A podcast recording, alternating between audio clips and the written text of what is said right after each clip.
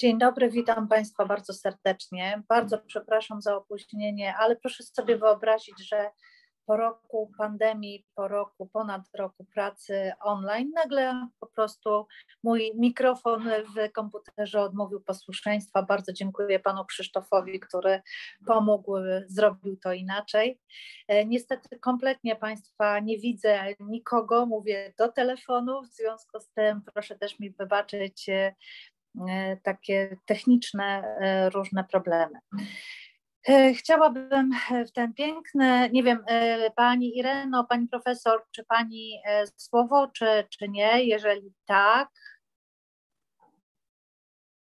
nie widzę, nie słyszę. Widziałam tylko, że pani Irena powitała nas wszystkich na czacie. Pani profesor?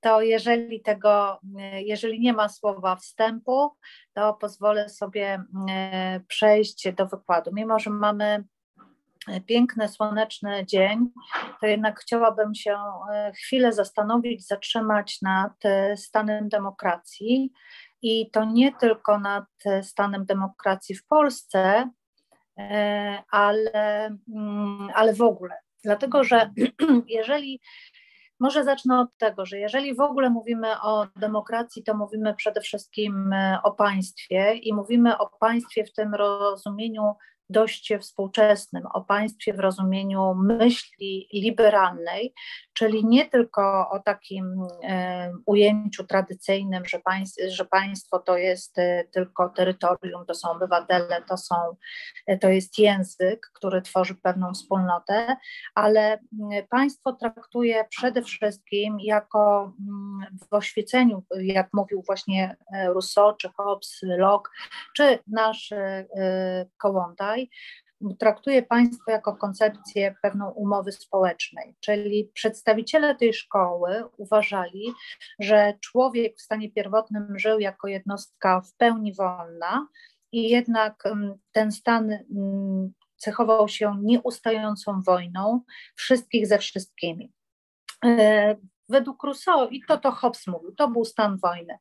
Rousseau mówił e, z kolei, że ten stan pierwotny to czas pomyślności, czas wolności, czas równości i utrzymywanie takiego, mm, ale utrzymywanie takiego stanu rzeczy doprowadziłoby w dłuższej perspektywie do zagłady całej ludzkości. Zatem ludzie w, właśnie w drodze umowy społecznej zrezygnowali z części y, swojej wolności, przekazując ją wyłonionej przez siebie władzy. W zamian y, władza miała zagwarantować wszystkim bezpieczeństwo i arbitraż w sporach.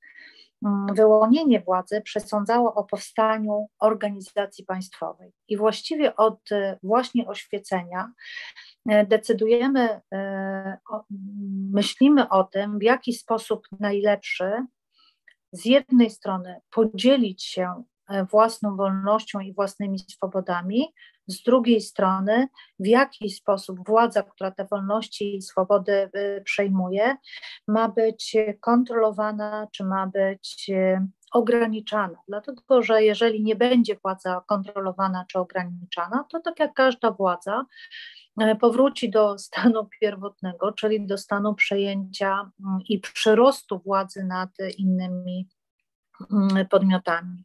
Nie będę Państwa zanudzać innymi koncepcjami, e, jakie są, inne koncepcje, jakie są e, państwa, chociażby ta koncepcja podboju. Nie będę również mówić o współczesnych formach państwa, natomiast chciałabym się zatrzymać nad funkcjami państwa. E, ja bym powiedziała, że przez takie funkcje państwa będziemy rozumieć główne kierunki jego działalności, realizujące zadanie, jakie państwo sobie stawia, a zakres tej działalności określony jest celami, które chce mm, osiągnąć. Inna definicja, taka bardziej przejrzysta, prostsza, to funkcje państwa to całokształt działalności państwa w określonej sferze życia społecznego. I mm, to, co jest dla nas z kolei interesujące w tym, to jakie są relacje pomiędzy organami e, państwowymi, do czego to państwo chce nas doprowadzić, jak ma, ma nas e, w tym utrzymać i jak ma nas do tego dobrostanu ogólnego e, doprowadzić. Do podstawowych mm, takich funkcji, jest ich oczywiście bardzo dużo, ale do takich podstawowych, fundamentalnych e, funkcji e, zaliczamy funkcje wewnętrzne i funkcje zewnętrzne państwa. Funkcje wewnętrzne to działanie państwa w różnych dziedzinach życia społecznego, czyli takie działania sprowadzające się do zorganizowania i regulowania przez państwo współżycia jednostek i grup społecznych. E, I funkcja zewnętrzna, no to przede wszystkim działanie państwa mm, w środowisku międzynarodowym, e, mające na względzie głównie interesy tego państwa. Zarówno e, interesy gospodarcze, jak interesy militarne, jak to te zewnętrzne bezpieczeństwo, to zewnętrzne bezpieczeństwo to jest nie tylko pozycja państwa w świecie międzynarodowym, ale przede wszystkim zabezpieczenie bezpieczeństwa y, zabezpieczenie bezpieczeństwa, poczucie bezpieczeństwa zewnętrznego i y, wewnętrznego. I teraz tak, jeżeli zgodzicie się Państwo z takimi bardzo ogólnymi mm, definicjami państwa i tymi zadaniami, jakie stoi przed państwem, swoją drogą lubię określenie, które jest stosowane we Francji jako republika. I jeżeli mówimy państwo jako republika, to też pokazuje nam pewien sposób mm, mm hierarchii podmiotów. W republice wszystkie podmioty składające się na państwo są sobie równe. I Francuzi mówiąc republika przez z, z, wielkiego R od razu pokazują stosunek obywatela do państwa. To państwo nie jest abstrakcyjne, to państwo nie jest czymś opresyjnym, tylko właśnie jest tą wspólnotą, tą republiką. Mm, Użyłam pojęcia państwo nie jest e, opresyjne, no bo oczywiście każde państwo musi mieć e, w swoich narzędziach, e, swoich, w swo... ja, ja, ja bardzo przepraszam, a gdybym mogła poprosić o nie pisanie czegoś wesołego na czacie, bo staram się kontrolować, czy nie zadajecie Państwo pytań, na które mogę, mogłabym się odnieść, to jeżeli nie będzie czegoś wesołego, to nie będzie to e, rozpraszało. Bardzo dziękuję. A pytania oczywiście możecie Państwo y, y, oczywiście pisać, zadawać, spróbuję na nie odpowiedzieć. Wracając do, tych, y, do tego poczucia bezpieczeństwa, państwo musi mieć w swoim arsenale mm, instrumenty do zapewnienia bezpieczeństwa zarówno wewnętrznego, jak i zewnętrznego i, i te instrumenty będą należały do środków przymusu. E, pytanie jest, w jaki sposób e, mm, pytanie jest, w jaki sposób one będą stosowane i jak będą respektowane.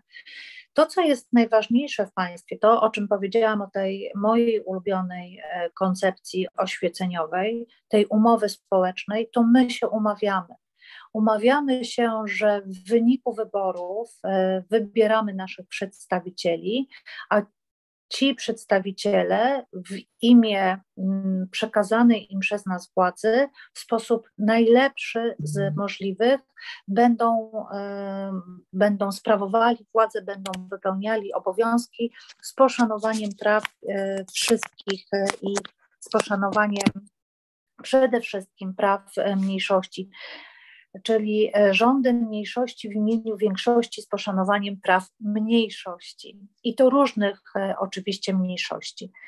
Mm, państwo w takim rozumieniu to oczywiście jest e, nie tylko, że właśnie ta dojrzałość czasu i etapu, czyli dojrzałość myśli oświeceniowej, ale ona wyrosła również z buntów, które e, następowały, czy z rewolucji, które e, następowały. I jak patrzymy na powstanie mm, państw, które e, wówczas się rodziły, to takim najlepszą egzemplifikacją tego okresu są oczywiście Stany Zjednoczone.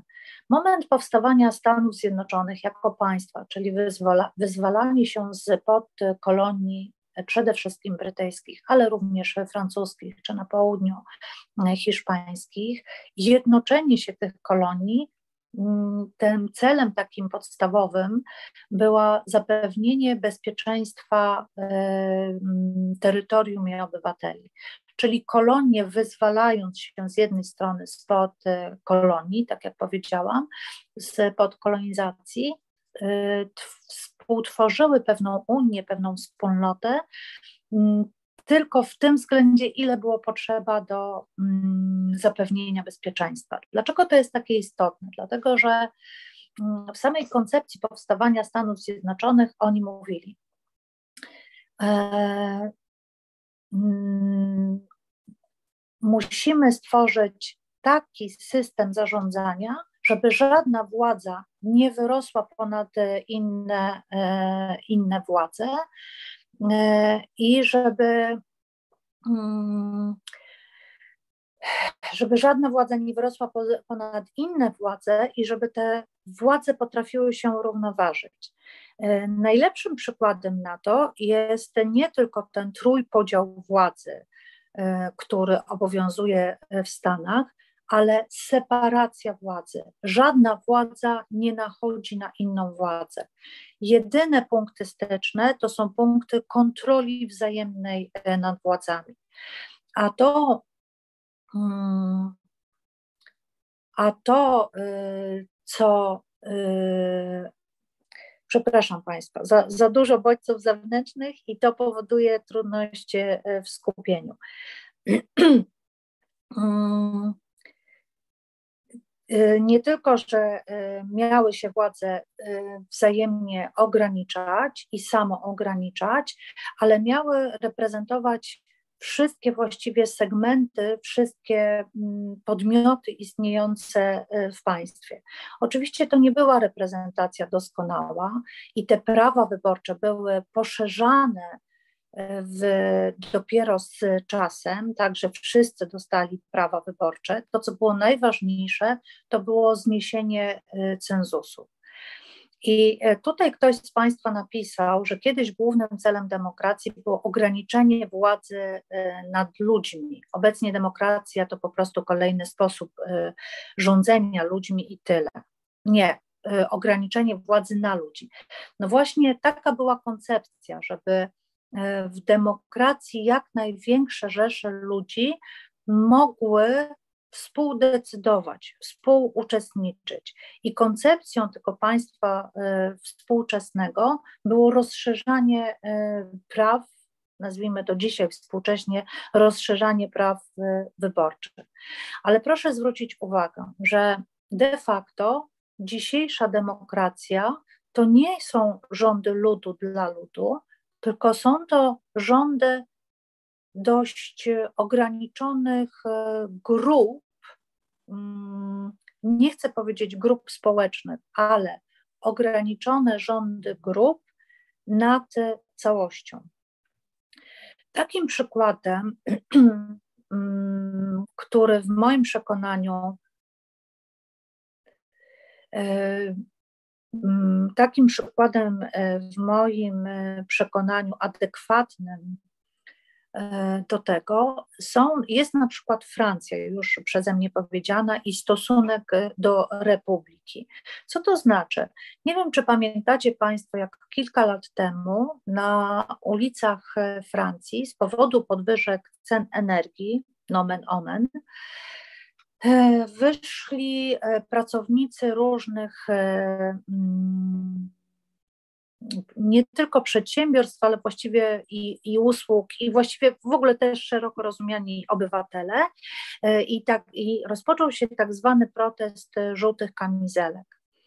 I ten protest żółtych kamizelek, całkowicie oddolny, całkowicie z przyczyn ekonomicznych, e, nie tylko własnych wolności czy praw, ale przede wszystkim właśnie z powodu tych ekonomicznych e, przesłanek, ten protest żółtych kamizelek rozlał się po całej e, Francji. I to, co było absolutnie charakterystyczne i takie podstawowe i fundamentalne tak naprawdę, to była postawa Macron, który jeździł po Francji i rozmawiał z różnymi grupami obywateli, z różnymi grupami e, przedstawicieli, e, przepraszam, e, protestujących. Dlaczego to ma takie znaczenie? Dlatego, że mm, część postulatów przedstawianych przez tychże obywateli weszła oczywiście na agendę, potem ogólną na agendę do parlamentu, jak również w różne projekty ustaw.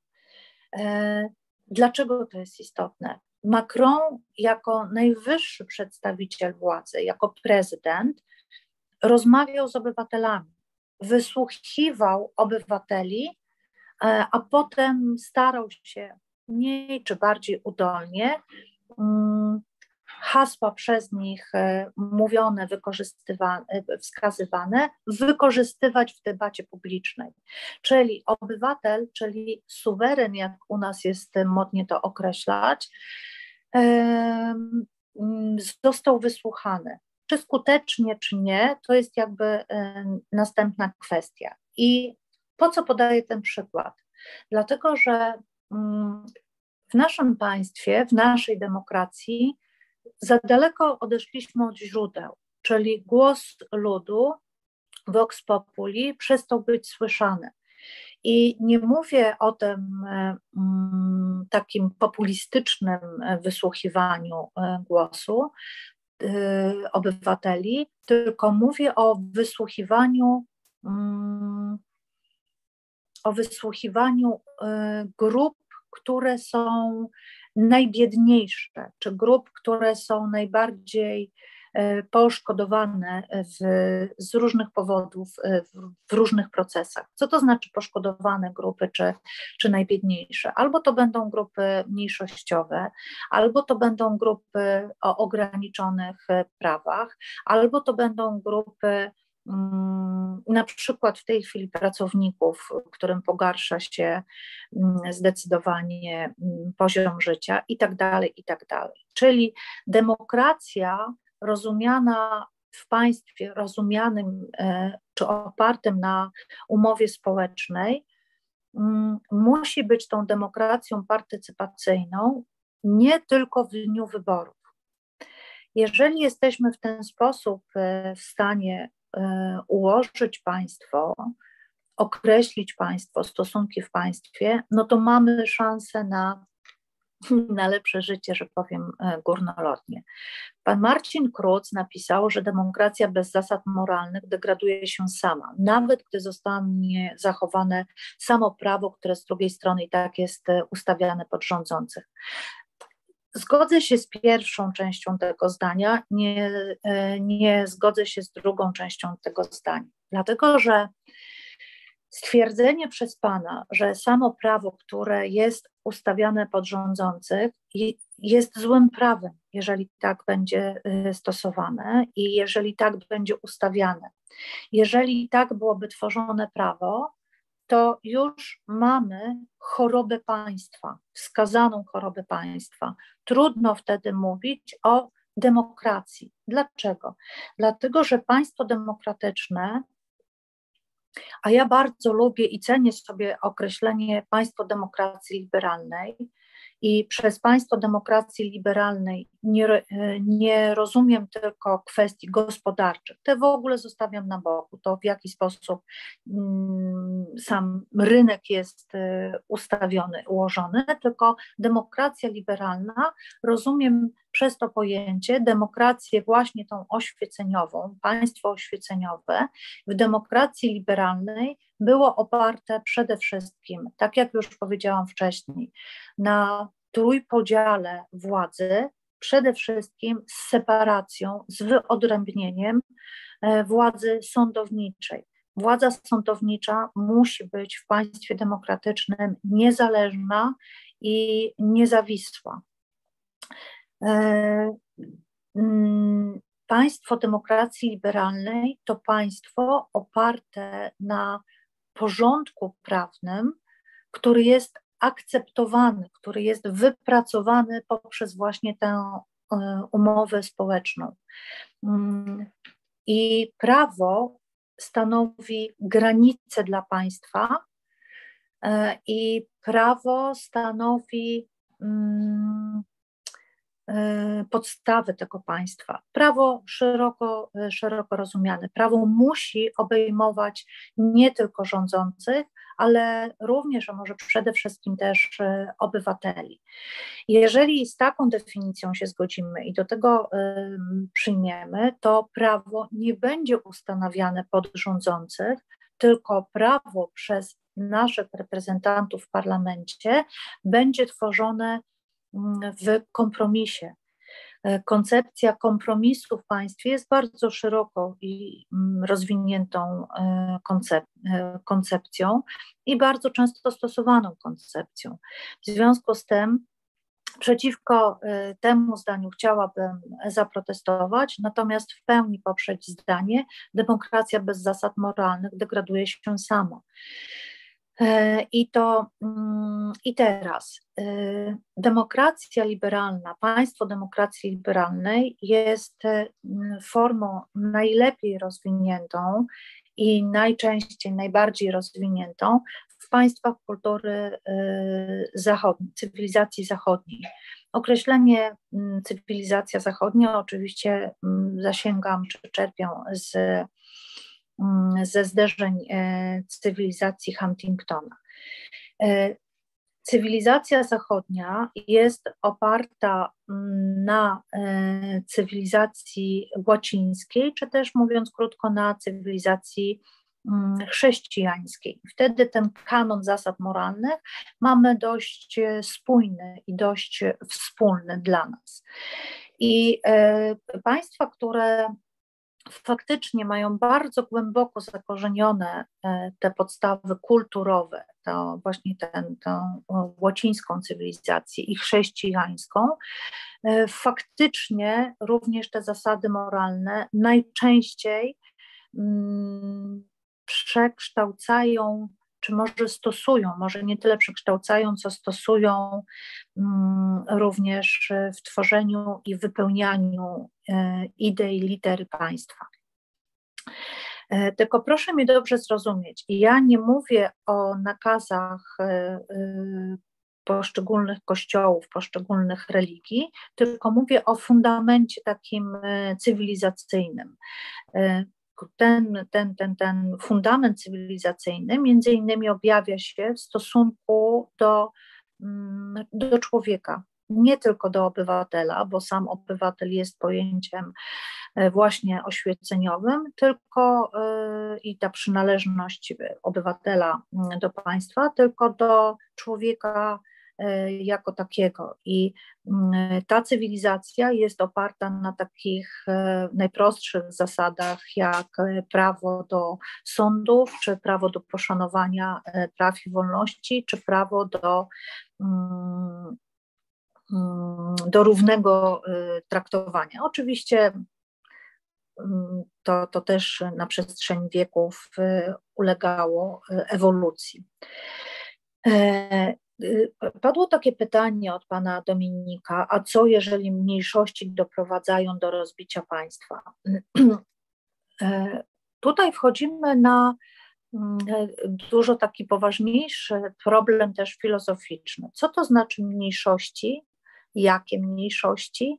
I czy faktycznie mniejszości mogą doprowadzić do e, rozbicia państwa. Jeżeli tak, to pokazuje nam to tylko, w jakim kryzysie jest e, państwo jako takie. I to, że państwa e, w XXI wieku przeżywają kryzys i to, i, i to dosyć poważny, no to widzimy to jako zjawisko właściwie, przepraszam, niestety na, na całym świecie ten proces państwotwórczy został zachowany, e, za, za, zakończony e, w wieku XX, najwięcej właśnie wówczas powstało różnych państw, czyli jeżeli spojrzymy na to z punktu widzenia historii, to państwo e, jako instytucja jest dość nowym pomysłem w historii, w historii świata. I pytanie, czy odpowiednio zakorzenionym.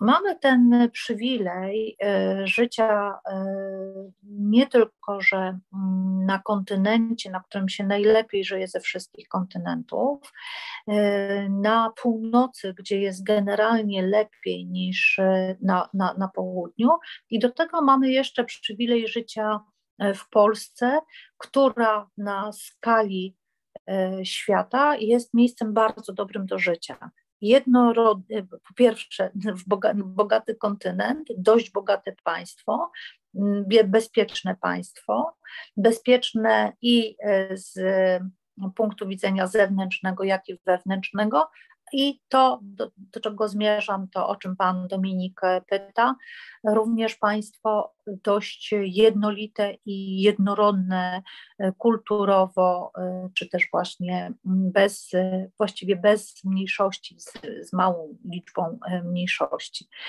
Jeżeli takie państwo dawałoby się rozbić, albo inaczej, E, dobrze funkcjonujące państwo z dobrze zakorzenioną, funkcjonującą demokracją e, nie powinno mm, ulec wstrząsom e, rozbicia. Dlaczego? Dlatego, że te mniejszości będą wysłuchiwane wcześniej.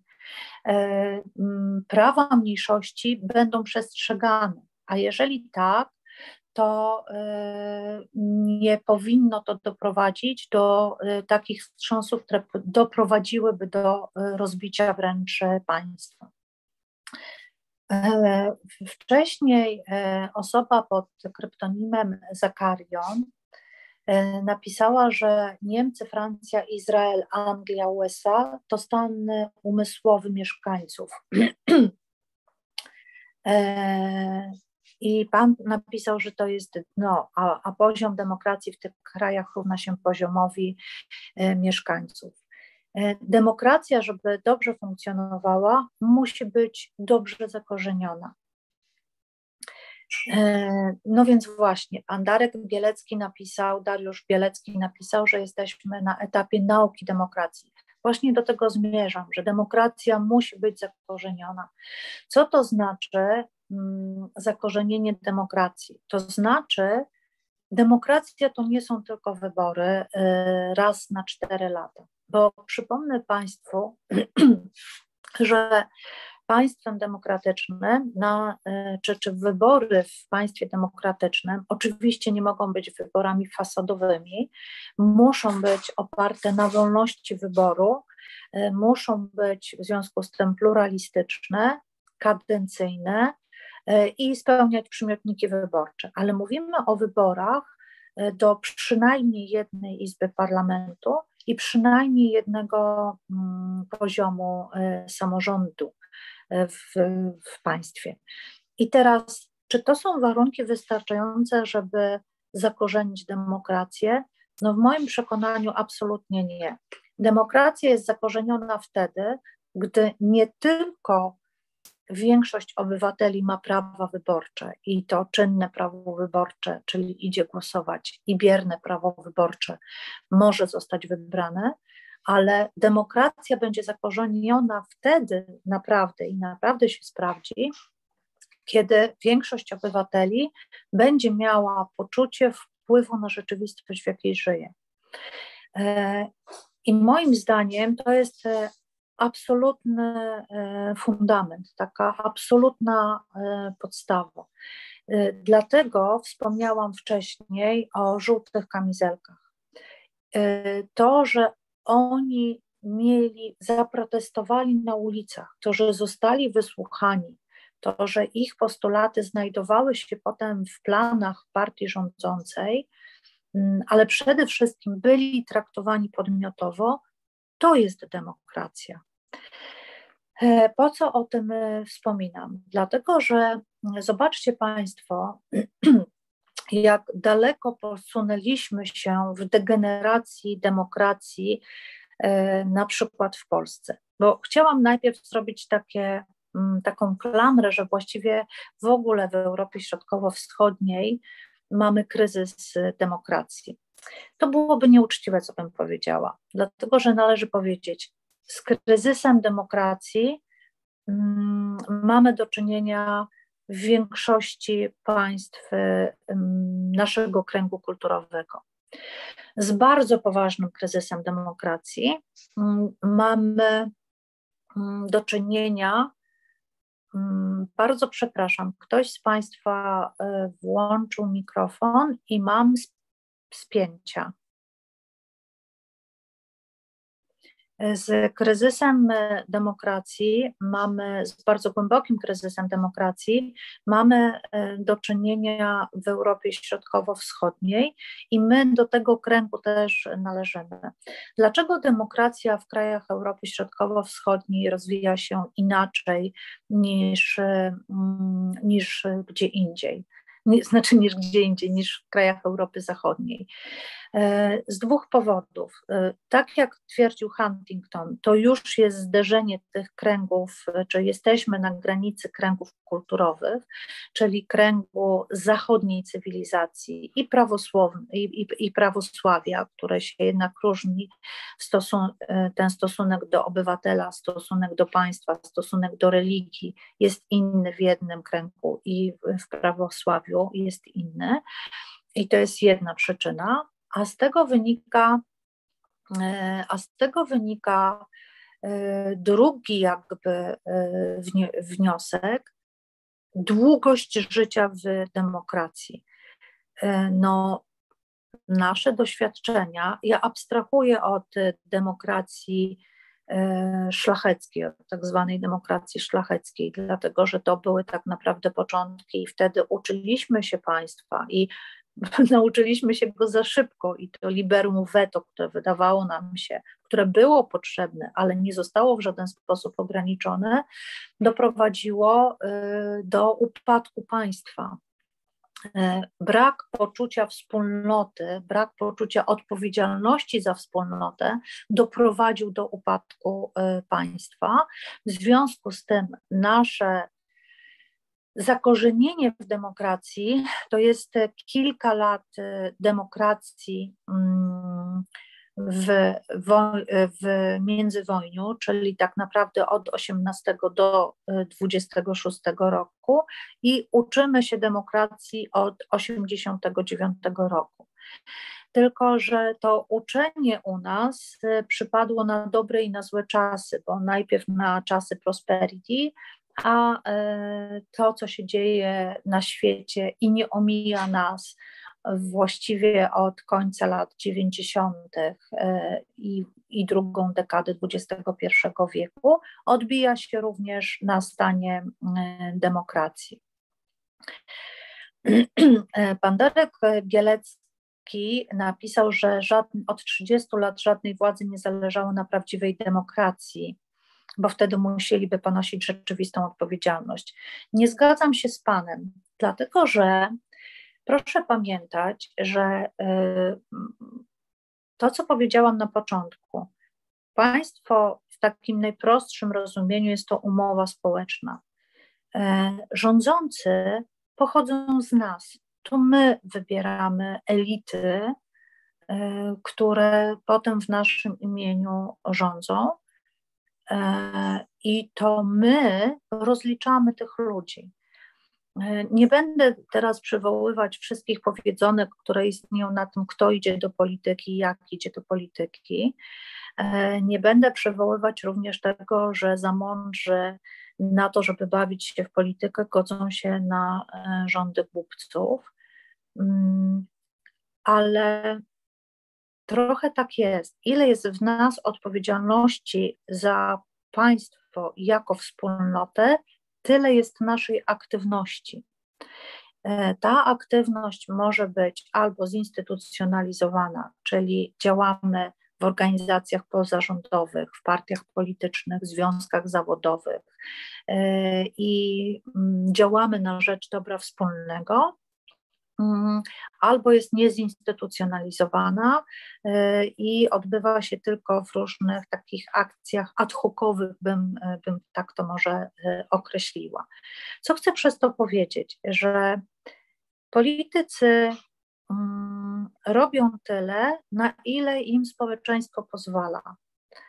E, oczywiście marzeniem jest, aby mieć takich polityków, aby ta moralność, o której Państwo e, pisaliście wcześniej, mm, wspominaliście wcześniej, e, była takim absolutnym fundamentem ich, ich działalności moralność, powinność, odpowiedzialność. I patrząc na elity polityczne w różnych krajach, to wszędzie przeżywają kryzys.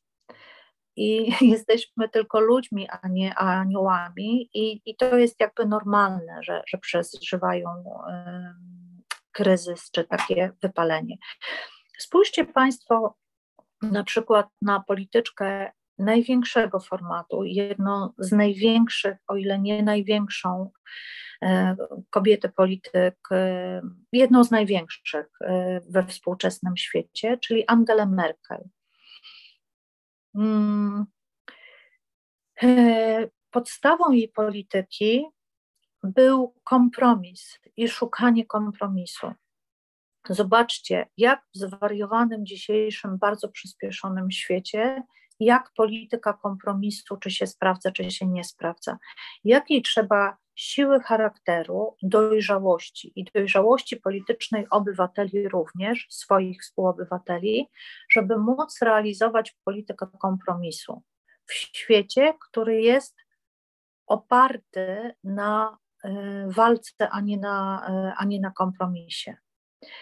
E, pytanie, czy po odejściu takiej polityczki mówi się, że Niemcy będą prowadziły taką samą politykę, wszystko będzie tak samo, ale inaczej. Będą prowadziły taką samą politykę, ale inaczej. Czy, e, czy uda się Niemcom utrzymać e, taką stabilność mm, i pewien taki spokój? Bo to, że Niemcy dominują, tak, dominują. To, że Niemcy prowadzą politykę gospodarczą, która ma ich państwo zapewnić dobrobyt, tak, ale to nie jest tak bardzo ekspansywne, jak na przykład polityki innych państw. No, nie chcę już podawać za przykład czy Stanów Zjednoczonych, czy Rosji, czy, czy Chin, państw mocarstwowych, tak? E, czyli jaki będzie poziom e, również tejże demokracji, e, nie tylko w Niemczech, ale e, w ogóle w Europie, bo jako Europa jesteśmy wzorem mm, praw człowieka, praw obywatela, poszanowania tych praw. I jakbyśmy spojrzeli tak całościowo na na nasz kontynent, to przyspieszenie, jakie prawa, jakie demokracja, jakim demokracja uległa, są bardzo optymistyczne. Partycypacja oddolna jest bardzo optymistyczna, tylko że musimy pamiętać o tym, że mm, albo inaczej, zadać sobie pytanie, czy pomimo pewnego optymizmu, czy jest ona wystarczająca, poszerzanie praw wyborczych, sięgam teraz do XIX wieku, miało służyć e, wciąganiu mm, najsłabszych klas, najsłabszych przedstawicieli do współodpowiedzialności, do współrządzenia, żeby nie było tego mm, takiego buntu. E, to się nie do końca udało. E, rządzą, no w dużym takim uproszczeniu, ale rządzą korporacje. E, prawo, pan napisał, jest e, ustawiane pod rządzących, a ja bym powiedziała, prawo jest często mm, ustawiane może nie tyle pod rządzących, ale pod tych, którzy mogą dać więcej. Jak spojrzymy na przykład właśnie na opodatkowanie wielkich korporacji y, w poszczególnych krajach, jak powstają y, raje podatkowe, jak mogą być wyprowadzane e, pieniądze. To jest olbrzymi deficyt demokracji czy współczesnego państwa, bo państwo potrzebuje pieniędzy, potrzebuje e, tych e, pieniędzy również na, na wypełnienie funkcji wewnętrznych, e, jakie sobie stawia. I mm, to, to, to poszerzanie, teraz zrobię jeszcze jedno cofnięcie. To poszerzanie praw, o którym wspomniałam przed chwilą, w XIX wieku służyło do likwidowania cenzusów, do wciągania e, coraz większych mas, co pozwoliło na powstawanie partii politycznych, które były reprezentantami tych naj, nie chcę powiedzieć, że najbiedniejszych, ale tych najliczniejszych w społeczeństwie, bo to nie muszą być najbiedniejsi, najliczniejszych w społeczeństwie. Dzisiaj wydaje się, że mamy z tego jakby powtórkę. Y, kładę nacisk na słowo jakby i mówię je w cudzysłowie. Dlaczego? Dlatego, że populiści wykorzystując y, hasła, wykorzystując pewien, pewne, właśnie, pewne takie właśnie niezadowolenie, mm, dochodzą do władzy. Tylko, że populizm jest oparty po pierwsze na hasłach, które będą dobrze przyjęte, które mogą być dobrze przyjęte, ale które niekoniecznie służą państwu, a na pewno nie większości obywateli. I populizm jest oparty na e, postaci wroga. A jeżeli tak, to budowa jest oparta na przesłankach negatywnych, a nie pozytywnych. Czyli nie jest propozycja poprawimy mm, stosunki w państwie, życie w państwie, mm, pozycję obywatela w państwie, tylko jeżeli nas y, poprzesz, to tamtych wyeliminujemy, to tobie będzie lepiej. To jest negatywne, a nie pozytywne. A jeżeli jest negatywne, to nie da się na tym zbudować czegoś trwałego, czegoś y, mm, służącego y, a obywatelom, państwu, e, czyli nam e, wszystkim, nie da się tego stworzyć jako wizji, jako myśli długotrwałej. I e, mm, zbliżając się do końca tej części, mm, jakie są szanse i jakie są, o zagrożeniach powiedzieliśmy, czy powiedziałam, jakie są tutaj szanse? Ktoś z Państwa gdzieś wcześniej e, napisał mm, o tej partycypacji właśnie takiej obywatelskiej, czy jesteśmy zainteresowani, czy nie jesteśmy zainteresowani. E, zobaczcie Państwo, e, w jaki sposób można dzisiaj zarządzać obywatelami i nie tylko zresztą dzisiaj, od dawna tak jest, środkami masowego przekazu. Tylko, że te środki masowego przekazu uległy dalece idącemu rozproszeniu. Czyli nie mówimy dzisiaj tylko o tradycyjnych źródłach, o tradycyjnych mediach, które są zarządzane, mogą być zarządzane w jakiś sposób y, przez państwo i mogą pełnić pozytywną funkcję, pozytywną rolę, ale również przez inne różne, mm, nie wiem jak to się nazywa, no social media, nazwijmy to w ten sposób. Czyli to, co się dzisiaj, y, co, co, co jest poważnym zagrożeniem demokracji, to mm, ilość informacji. I nie sama ilość, i jakość informacji. To, co jest zagrożeniem, to rozlewanie fake newsów, czyli nieprawdy, półprawdy, manipulowanie prawdą. To jest poważne e, zagrożenie. Dlatego, że e, jeżeli e, nie, masz, nie mamy dostępu do, wiarygodnej, do wiarygodnych źródeł wiedzy, albo nie umiemy ich zweryfikować, albo nie umiemy ich zastosować, to możliwości manipulacji dla, dla tych, którzy chcą nami manipulować, są olbrzymie. E, zobaczcie Państwo, jak przepraszam za określenie, idiotyczne informacje pokazują się w różnych nośnikach, na przykład na temat pandemii, łącznie z tym, że jest kwestionowane w ogóle jej istnienie. A co to znaczy? No to znaczy, że im bardziej będziemy ogłupiani, ogłupiani tym łatwiej będzie nami manipulować, dlatego że wtedy rośnie strach, wtedy rośnie też poczucie przynależności do pewnej grupy ludzi, którzy myślą tak samo jak ja. Bo zgodnie z zasadą, że lubimy najbardziej te piosenki, które znamy, no to chcemy słyszeć te prawdy, które, które znamy. Nie przyjmujemy wtedy innej prawdy. I to jest e, zagrożenie. Nie chcę absolutnie przez to powiedzieć, i bardzo wyraźnie to podkreślam, że jestem zwolenniczką ograniczenia e, w ten sposób e, środków e, przekazu, czy żeby powstała tylko jedna telewizja państwowa i, i najlepiej z jednym programem i z jedną prawdą. Nie, absolutnie nie.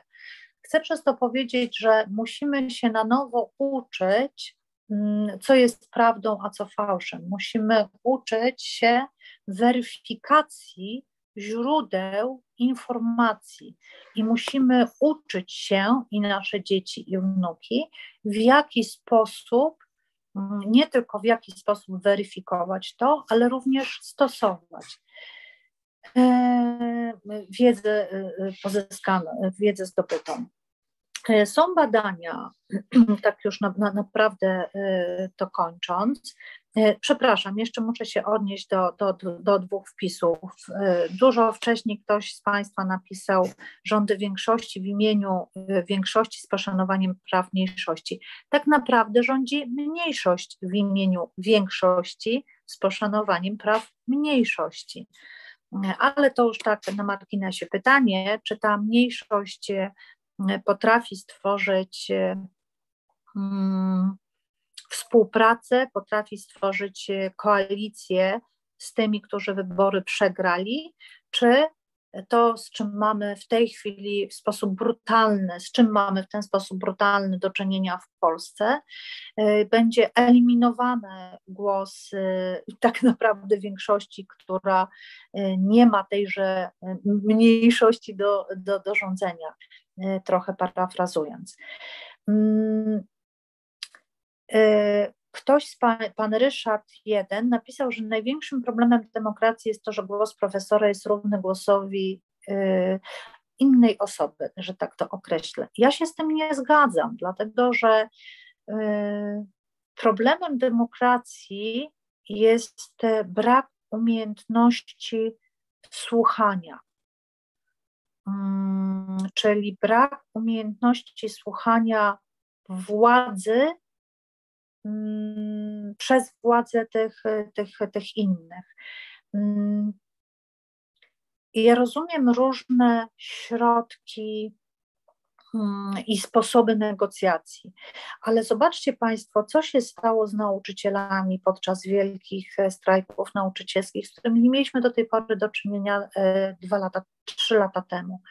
E, co się dzieje z białym miasteczkiem? Co się dzieje z czerwonym miasteczkiem?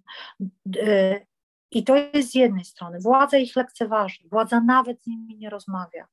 To nie jest władza w państwie demokratycznym, to nie są tak jak było w średniowieczu, pomazańcy Boży, ich władza pochodzi od Boga i tylko przed Bogiem odpowiadają. To są nasi przedstawiciele.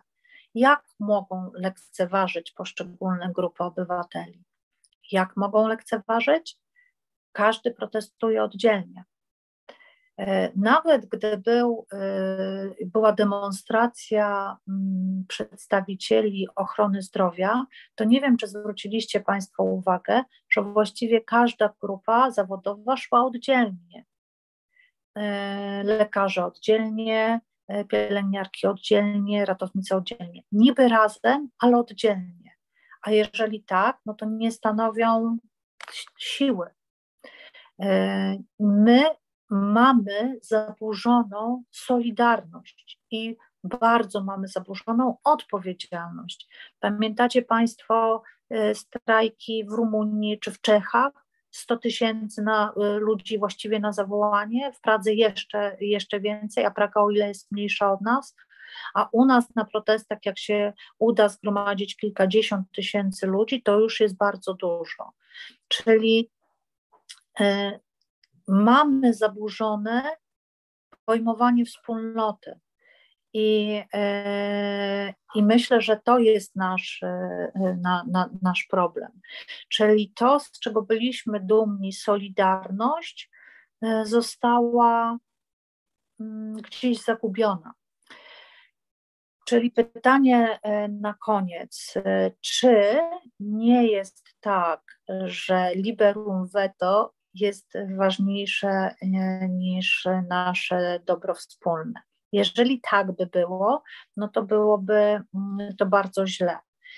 E, I teraz mm, mam, mm, jak obserwuję różne wyniki e, badań, jak obserwuję różne zmiany zachodzące e, w świecie, to mam takie głębokie przekonanie, że największą zapaść wynikającą z z populizmu i z kryzysu państwa jako takiego, jesteśmy na, na, na szczycie tejże zapaści.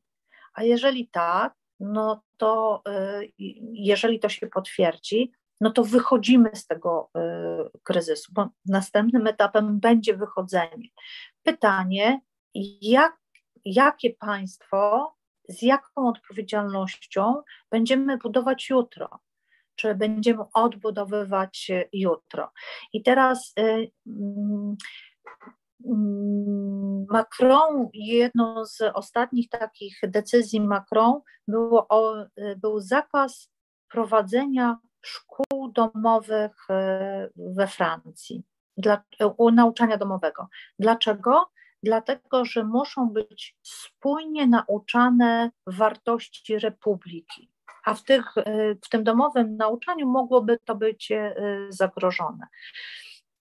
I e, w ten sposób chcę powiedzieć, że jeżeli, dopóty, dopóki nie zmienimy sposobu uczenia młodzieży, uczenia dzieci i nie tylko bardzo wąsko, tylko tutaj, tylko o Polsce i historia Polski jest najważniejsza, to dopóty będziemy mieli problem a, ale w momencie, kiedy pozwolimy patrzeć szerzej na, na świat i na rzeczywistość, to w moim przekonaniu demokracja jest e, do obronienia.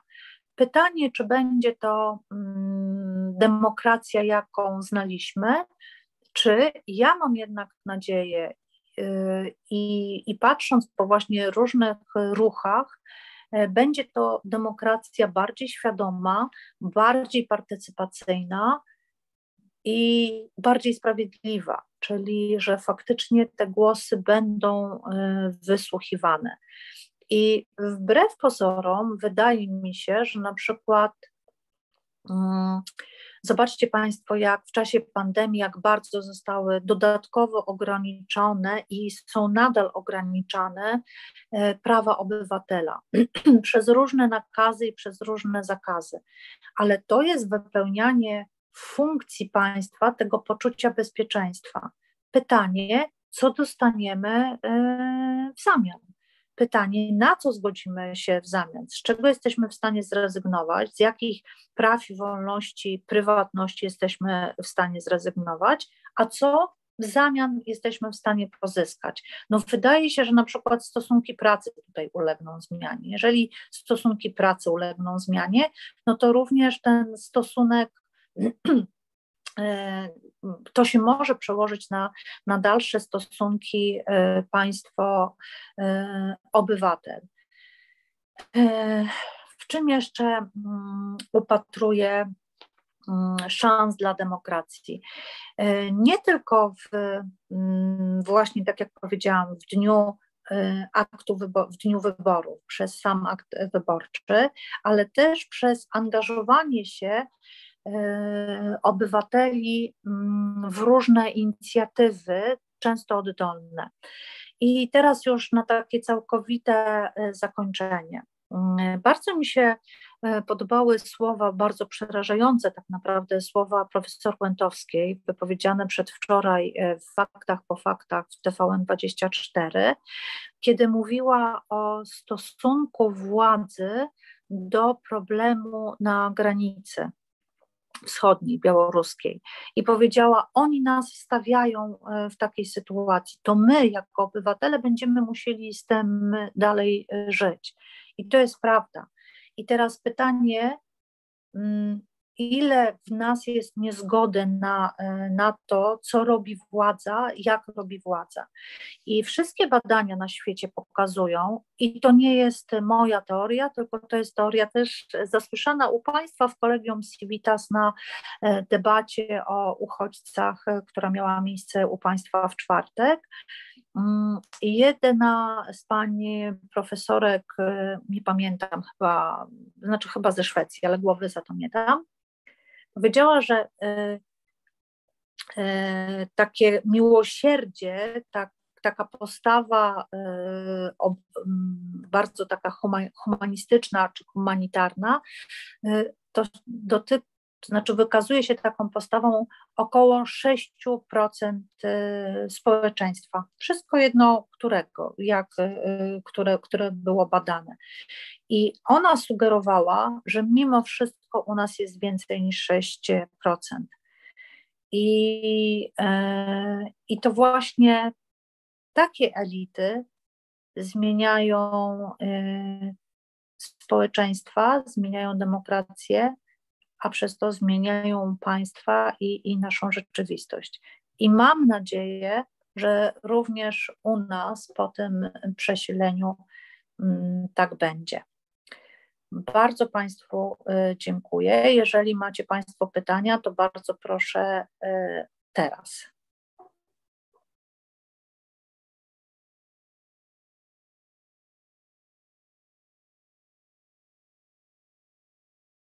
Tak? Czyli mam kończyć, tak?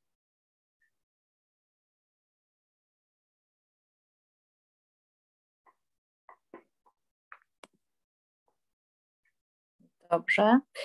Mm, szanowni Państwo, ponieważ e, nie widzę i nie słyszę, bardzo Państwa przepraszam za te problemy techniczne i nie wiem jak dla Państwa, dla mnie no mało komfortowa sytuacja, że absolutnie nikogo nie widzę i, i, i nikogo nie słyszę, e, więc nie są to najlepsze e, warunki pracy. Mam nadzieję, że po pierwsze będzie okazja jeszcze do spotkania i mam nadzieję, że w zdrowiu spotkamy się już e, osobiście. Mm, bardzo Państwu dziękuję. Życzę dobrego dnia i dobrego tygodnia, a przede wszystkim dużo zdrowia. Wszystkiego dobrego.